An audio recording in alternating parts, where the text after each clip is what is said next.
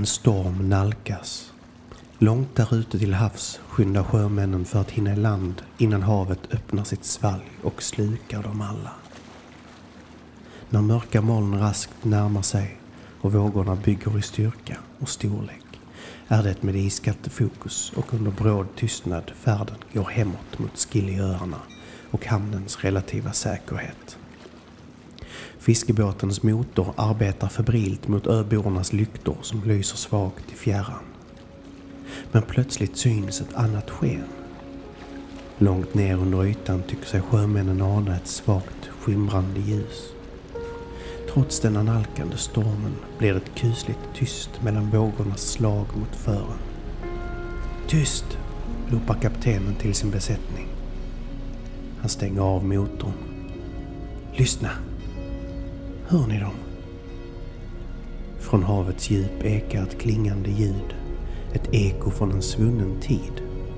Minnet av en händelse så fasansfull och världsomvälvande att den för alltid tagit sin plats i folktro och sägner över både Europa och världen. Kan ni höra dem? De klämtar fortfarande efter alla dessa årtusendena. Klockorna i Lyoness.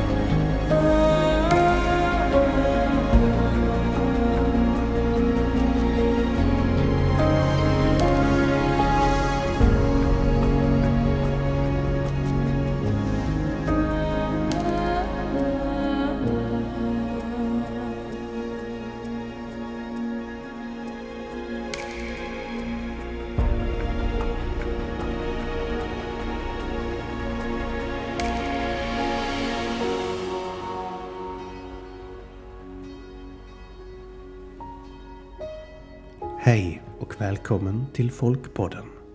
I detta avsnitt ska vi undersöka legenden om det sjunkna landet Lyoness som enligt sägnen ska ha legat utanför Cornwalls sydvästra kust och slukats av havet när landets befolkning blev allt syndfullare. Detta motivet är vanligt förekommande i den kristna västvärlden.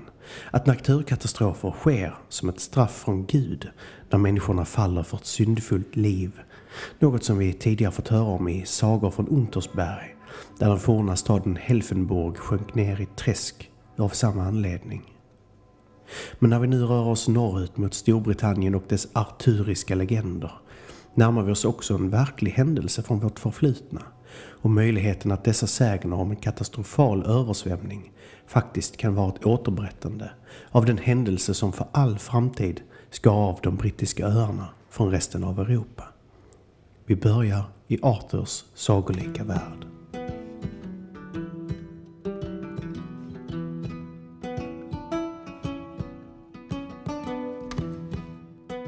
Från det idylliska Lands End på den sydvästra spetsen av Cornwall sträcker sig idag en mytomspunnen sträcka småöar som slutar med de tidigare nämnda Skillyöarna.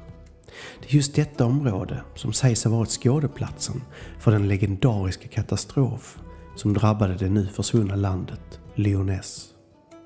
Även om berättelsen finns med i många små variationer, likt de flesta myter och legender, finns kärnan bevarad fortfarande och lever vidare i Cornwalls folktro och tradition. Vår berättelse börjar med jägaren Trevelyan, bosatt i landet Lyoness. En solig morgon vandrar han genom staden Lyons med sina 140 kyrkor för att ge sig ut på dagens jakt tillsammans med sin vita häst. Det är inte svårt att föreställa sig hans vandring genom snäva snirklande kullerstensgator som letar sig fram mellan marknadsstånd, småhus och kyrktorn. Han spenderar dagen med att jaga de östra skogarna och bestämmer sig efter middagen att ta en tupplur lutad mot en grå, stor sten under ett träd i skogen. Men plötsligt väcks han av ett fruktansvärt oväder. En vrålande storm drar fram över landskapet följt av en enorm våg som sväljer allt i sin väg. Trevelyan flyger upp sin häst i hopp om att en snabb ridtur till höglandet i öst ska bli hans räddning. Stormens mörker tycks svälja solens ljus samtidigt som han i en sista blick bakåt ser hur vågen slår mot staden i fjärran och under kyrkklockornas klämtande flyr han mot säkerheten i Cornwall. Under ritten tappar Trevelians häst en av sina skor. En händelse som kommer att sätta sina spår i Cornwalls historia. För än idag bär flera av de äldsta släkterna i Cornwall, Vivian och Trevelyan, en häst med tre skor eller en vit häst på sina familjevapen. En tydlig markör för att odödliggöra minnet av en till synes omöjlig händelse. Men det finns skäl att frågasätta hur omöjlig den egentligen är.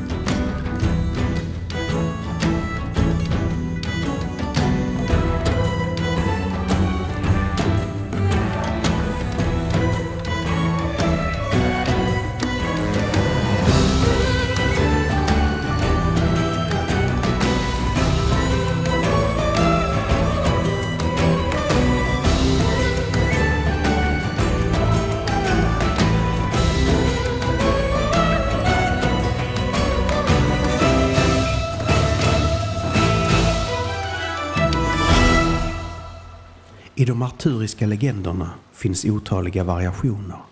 Men hänvisningarna till Leoness förekommer i en av de mest framträdande historierna. Nämligen den om Tristan och Isolde. Tristan var en av riddarna kring det runda bordet i kung Arthurs tjänst och Leoness var hans hemland. I den tragiska kärlekshistorien om Tristan och Isolde berättas det att Tristans far Meliodas var kung över Leoness och att när han slutligen dog skulle Tristan som arvinge ta över tronen. Men Tristan tjänade vid tidpunkten sin farbror Mark i hans hov i Cornwall och när stormen slutligen svalde hans hemland skulle han aldrig få chansen att bära kronan. Under årtusenden har berättelsen skiftats och moderniserats. Faktiska personer, händelser och årtal har förknippats med Leoness försvinnande under vågorna i takt med att skriftkonsten blev vanligare.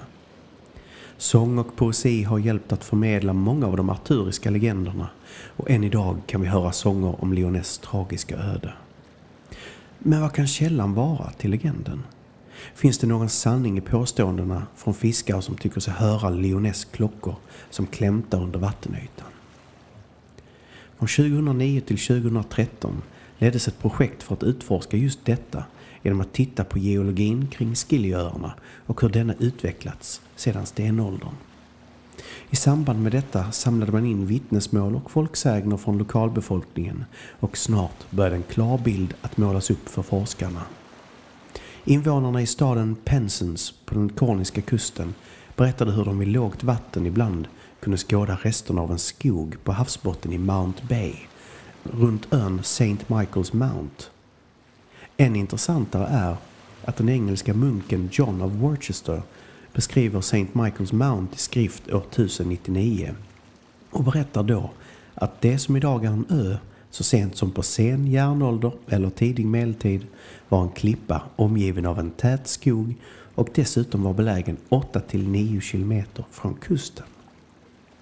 Inte nog med detta, utan man fastställde också att det korniska namnet för St. Michael's Mount är Karaklus Inkus som kan översättas till den grå stenen i skogen. Undersökningen av geologin skulle inte bara bekräfta dessa historier utan utökades räckvidd ytterligare. Det visade sig att under bronsåldern hade en förödande översvämning ägt rum i området kring Cornwalls sydliga spets vilket kraftigt reducerade landområdena kring både Mounts Bay och de nu mytomspunna Skiljeöarna. Det visade sig att Skiljeöarna runt år 3000 f.Kr. var sammanbundna av bördiga landområden där rester av murar, odlingar och husgrunder nu har hittats. Tyvärr är det osannolikt att några kyrkklockor någonsin kommer att finnas med tanke på tidsspannet. Än mindre att Trevelyan lyckas rida hela vägen till Lands End i Cornwall. Men myterna har i detta fallet, som så ofta, en kärna av sanning som folket som levt i området i 5000 år har kämpat för att bevara.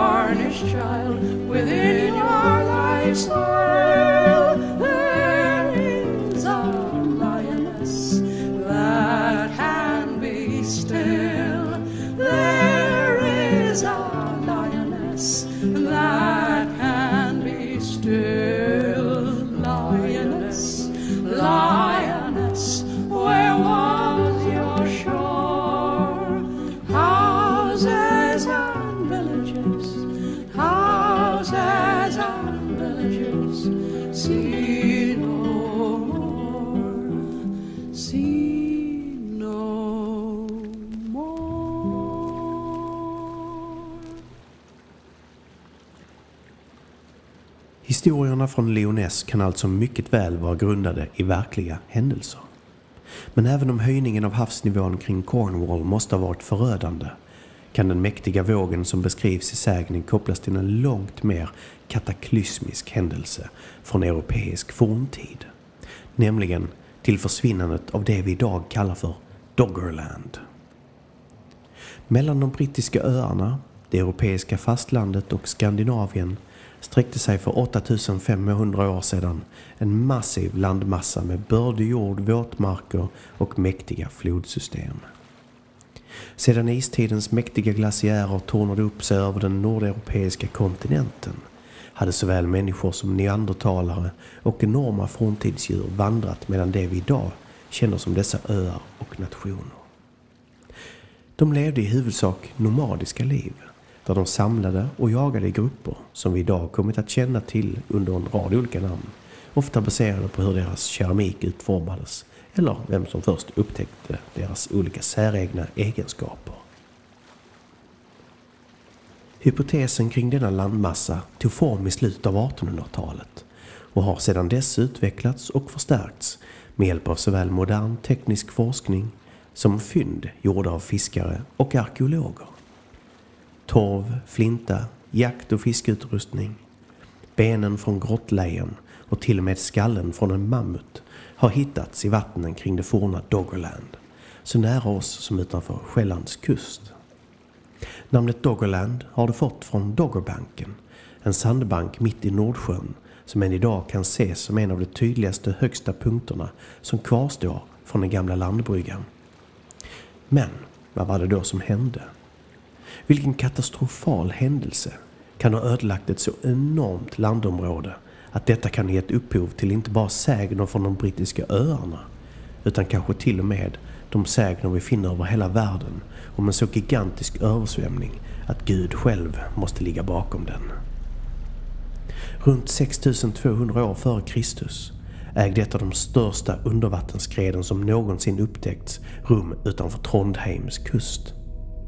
Idag känner vi till händelsen som Storäggaskredet och det tros ha fått sin början när en jordbävning i anslutning till den 300 km långa kontinentalbranten Storägga orsakade ett enormt jordskred som förflyttade 3400 km material rakt ut i Nordatlanten och frigjorde enorma mängder metangas från jordskorpan. Detta orsakade i sin tur en tsunami av bibliska proportioner. Men en våg så hög att det nästan är omöjligt att föreställa sig den. Närmast skredet var vågen redan 10-12 meter hög men växte exponentiellt när den drog fram och vi vet idag att den i de norska fjordarna var så hög som 40-50 meter och att den slog mot det skotska höglandet med sådan kraft att vi idag hittar biologiska och geologiska spår av vågen upp till tre mil inåt landet. Det är svårt att föreställa sig hur människorna som levde kring Doggerland måste ha skakats av en sådan händelse. Familjer, stammar och hela folk kan ha försvunnit för alltid på en enda gång. Till synes bortglömda fram till idag. Om inte de efterlevande hade odödliggjort deras minnen genom myter och legender. I slutändan var det smältande glaciärerna från istiden det som dömde Doggerland till en vattnig grav. Men det var Storeggaskredets enorma våg som delade ut det dödande slaget. Inte undra på att de efterlevande måste trott att människorna som levde på den nu försvunna landmassan blivit straffade av Gud. En så förödande kraft skulle nog vara svår även för oss nu levande människor att hitta en rationell förklaring till om vi någonsin hade olyckan att behöva uppleva den personligen. Livet och jorden runt omkring oss är flyktigt och under ständig förändring. Något som är väl värt att tänka på och ta vara på utan att nödvändigtvis ge upphov till alarmism eller bestraffning av det som utnyttjar jorden. Men nästa gång du flyger eller seglar över Nordsjön, skänk en tanke åt de som nämns i sångerna, såväl som det som glömts i historiens dunkel. Vem vet? Kanske hör också du klockorna i Lyoness klämta från havets djup.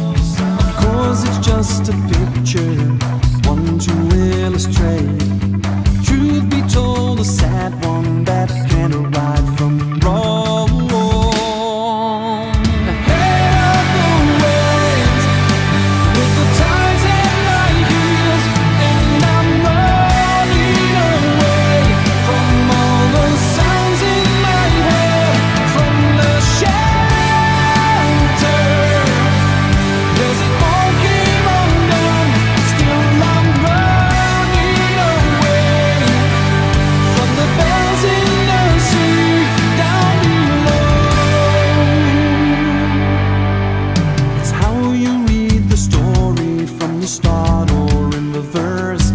It's how you read your own life like a blessing or a curse. You see our sins